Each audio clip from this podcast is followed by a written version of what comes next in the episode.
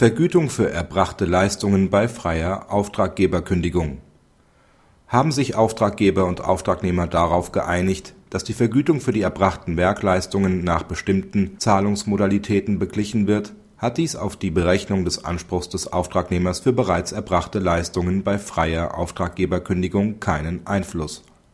Die vorliegende Entscheidung behandelt einen Sachverhalt außerhalb des Baurechts, ist jedoch auch für dieses Rechtsgebiet von großer Relevanz der Auftraggeber hat den Auftragnehmer mit der Erstellung und Pflege von Internetseiten für einen Zeitraum von insgesamt 36 Monaten beauftragt.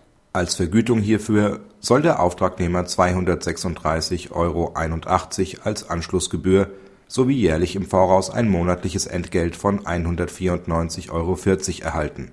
Bereits nach Ablauf von sechs Monaten wird das Vertragsverhältnis durch den Auftraggeber frei gekündigt der Auftragnehmer verlangt daraufhin sowohl die Anschlussgebühr als auch das monatliche Entgelt für die ersten beiden Vertragsjahre nebst Zinsen. Zu Recht.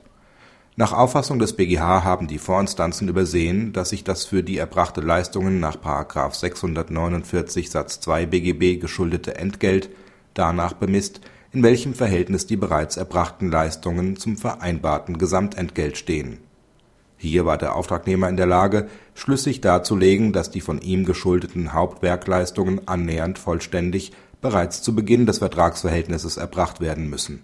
Dies zugrunde gelegt ist eine im Vertrag getroffene Regelung über Ratenzahlungen nicht zwingend maßgebend für die Bemessung der erbrachten Teilleistungen. Aus diesem Grund hebt der BGH die Entscheidung der Vorinstanz, die dem Auftragnehmer nur die Raten für die ersten sechs Vertragsmonate zugestanden hat, auf. Praxishinweis die vorliegende Entscheidung ist ohne weiteres auf Sachverhaltskonstellationen übertragbar, in denen der Auftragnehmer Zahlungsraten auf der Basis von Zahlungsplänen erhält, die aber mit dem Leistungsstand nicht deckungsgleich sind.